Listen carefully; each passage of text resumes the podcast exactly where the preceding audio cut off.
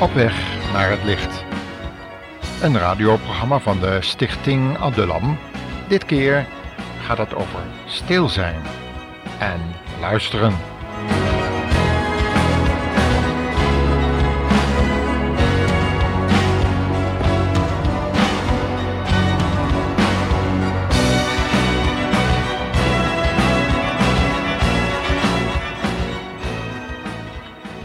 Alle gaatjes in ons leven worden zo langzamerhand opgevuld met uh, drukte, video, computerspelletjes, disco, house.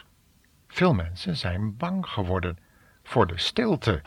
Ja, opvullen die stilte. Lawaai.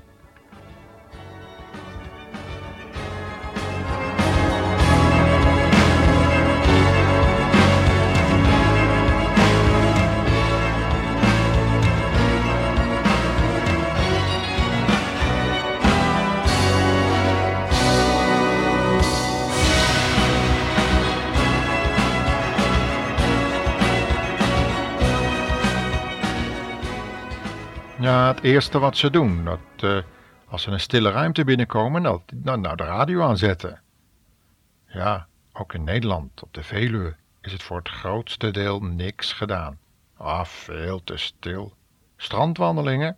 Oh, ja, zonder radio, kun je je voorstellen. De wandeling naar de brievenbus kan niet meer gaan zonder Wolkman.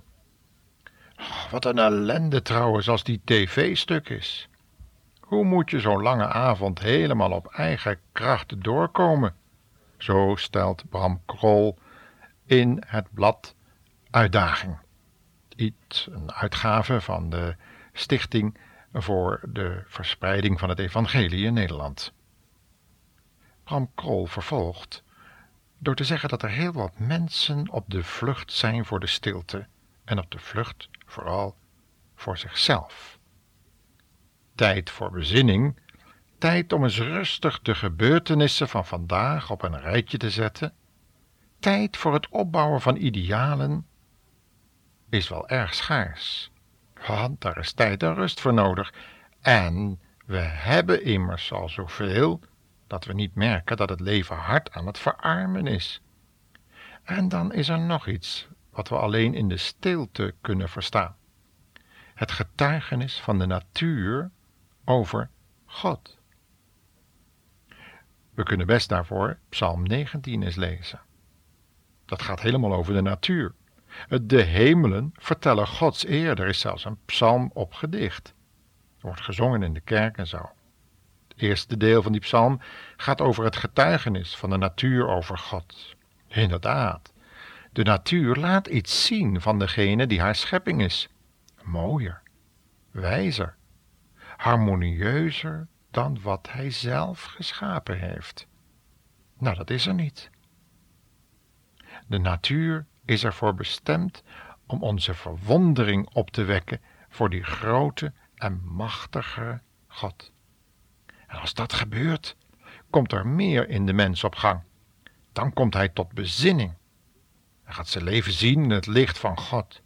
Niet langer staat hij zelf in het centrum van de eigen belangstelling, maar hij gaat iets zien van die hele grote wereld waarin hij leeft. Hij gaat iets beseffen van de enorme eeuwigheid waarin hij staat.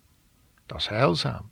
Juist door dat voortdurend bezig zijn met zichzelf wordt een mens onrustig. Voortdurend bedenkt hij hoeveel hij tekort komt, wat er fout zou kunnen gaan of wat er allemaal nog moet gebeuren. Zo zijn mensen bezig slaven van zichzelf te worden. Moeten momenten van bezinning en ontspanning zijn, dat is. Maar dan geen nieuwe, zinloze spanningen. Kunnen we nog wel genieten van de natuur, zonder pretpark en cd-muziek? Kunnen wij de stem van de natuur nog verstaan?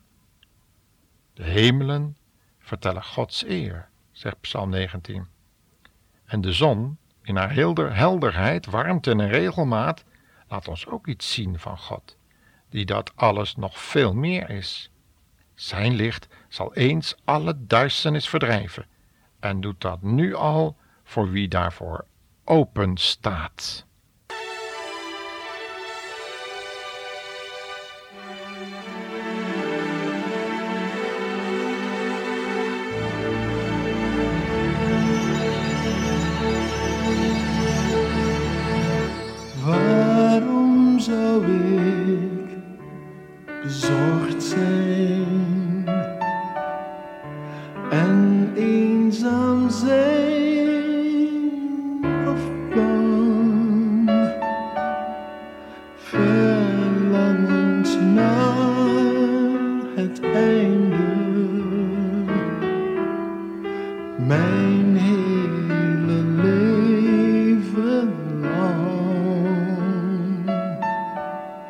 Want Jezus is mijn leidsman.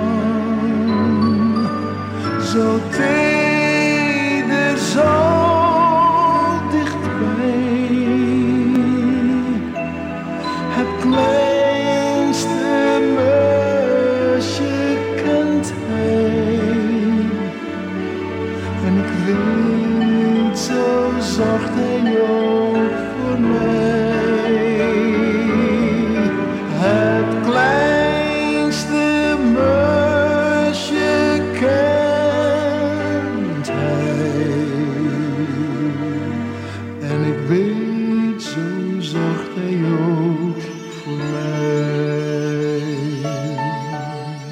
Ik zing, want hij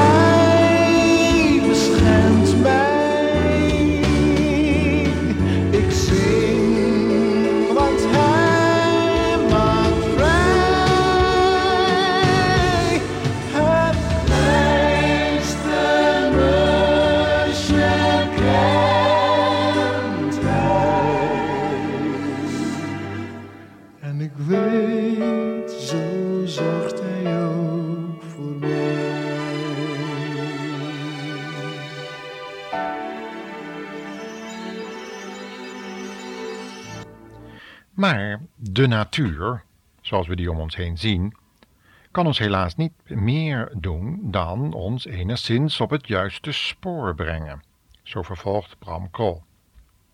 Wanneer het gaat om het karakter van God en als we willen weten hoe wij met Hem kunnen omgaan, hebben we een andere bron nodig.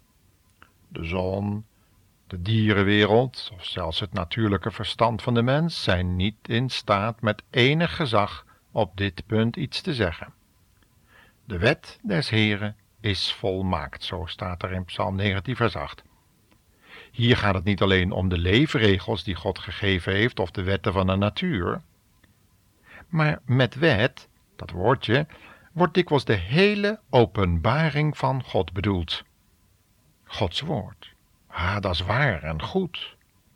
Wie daarnaar luistert, bemerkt dat aan alle menselijke wensen en emotionele tekorten tegemoet kan worden gekomen. De wet is niet alleen goed, maar ook weldadig. Dat wil zeggen, ze schenkt Gods gaven aan wie ze aandachtig, zoekend met haar omgaat. Er wordt een interessante opsomming gegeven van eigenschappen van Gods woord, de Bijbel. Gods woord is volmaakt, het verkwikt, het is betrouwbaar. kan je van mensen niet zeggen. Het geeft wijsheid en is waarachtig, verblijdend, zuiver, verlichtend, waar, rechtvaardig, kostbaar en aangenaam, vermanend, ontdekkend, belonend. Ah, belonend. Ja, ja, als we het woord bestuderen en er ook naar gaan leven in de kracht van Gods geest, die hij daarvoor wil geven bij de wedergeboorte, dan ligt daar ook een rijke beloning. Daar schrijft Petrus over. En zo leert Psalm 19 ons heel wat. Is heel wat. Omgang met en overdenking van de Bijbel zijn blijkbaar van groot belang voor onze geestelijke gezondheid, onze bagage. Maar voor die omgang is rust en tijd nodig en daar ligt nu juist het probleem. Ik denk dat er heel wat mensen zijn eh, die zich op dit punt veel tekort doen. Met de Bijbel als gids zouden zij heel wat gelukkiger zijn. Ik denk zelfs dat we heel wat minder politie en eh, medische mensen en sociale werkers nodig zouden hebben. Als de Bijbel die plaats in ons leven zou innemen die God eraan had toegedacht. Dat woord is kostelijker dan goud, zoeter dan honing. Ja, het verkwikt de ziel. Dus wees niet bang voor morgen. Dat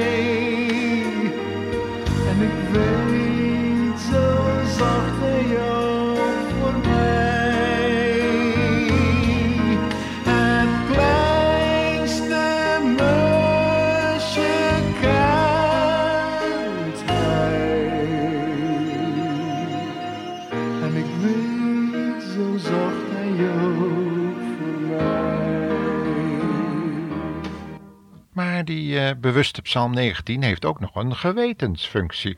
Want in vers 13 lezen wij afdwalingen. Ja, wie bemerkt die nou? Spreek, Heer, van verborgen afdwalingen mij vrij. Beter dan wij onszelf kennen, kent God ons. Jeremia staat, Jeremia 17, arglistig is het hart, wie zal het kennen? Maar God doorkent, doorgrondt het. Hij kent ons. Hij die ons hart vormt en die al onze werken doorgrondt, staat er in Psalm 33, vers 15. Wanneer we met de Bijbel omgaan, gaat er ook een appel uit op ons geweten. Dat kan voor sommigen heel bedreigend zijn, omdat het toch wel een warboel daar van binnen is. Hè? Want zonde beginnen vaak bij onze gedachten. Maar wie nieuwe kracht en nieuwe impulsen wil opdoen, nou die moet toch die weg gaan. Van Psalm 19, van de Bijbel. Troep van binnen betekent troep van buiten. En als er van binnen de zon schijnt, nou dat zal ook niet zonder effect blijven. Er zijn heel wat negatieve invloeden die we bijna onopgemerkt opdoen. Er zijn heel wat zonden die we ongemerkt of niet met voorbedachte raden begaan. Oh, daar wordt in de eerste verse van Leviticus 5 en zo over gesproken. Zelfs het horen van een vloek, ja, die moet je toch bij God aanbrengen en erover beleidenis doen, wat het verontreinigt. Zo spreekt Gods woord. Toch hebben ze wel hun gevolgen in onze levens, al denken we dat van niet. Daarom beleid het. God kan het allemaal opruimen. Wie zijn zonde beleidt, God is getrouw en rechtvaardig om die zonde te vergeven en ons te reinigen van alle ongerechtigheid. Om Jezus wil. Hij stierf ervoor op het kruis van Golgotha. Beste luisteraar, dit was de boodschap voor vandaag, voor u. Neem de Heer Jezus aan. Hij is in staat datgene weg te reinigen wat u nooit zult kunnen doen. Hij is op die manier bezig. Laat hem bezig zijn om u steeds meer te vervullen met zijn liefde en met zijn licht.